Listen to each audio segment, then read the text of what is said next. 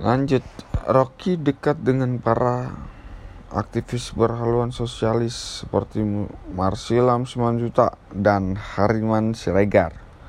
Setelah lulus kembali ke UI mengajar Departemen Filsafat yang kini dia tergabung di dalam Fakultas Ilmu Pengetahuan Budaya sebagai dosen tidak tetap hingga awal 2015.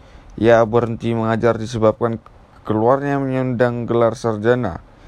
Ia tercatat mengampu mata-mata kuliah seperti seminar teori keadilan, filsafat politik, dan metode penelitian filsafat. Ia juga pernah mengajar pada program sarjana. Salah satu mahasiswa dibimbingnya adalah Dian Sastro.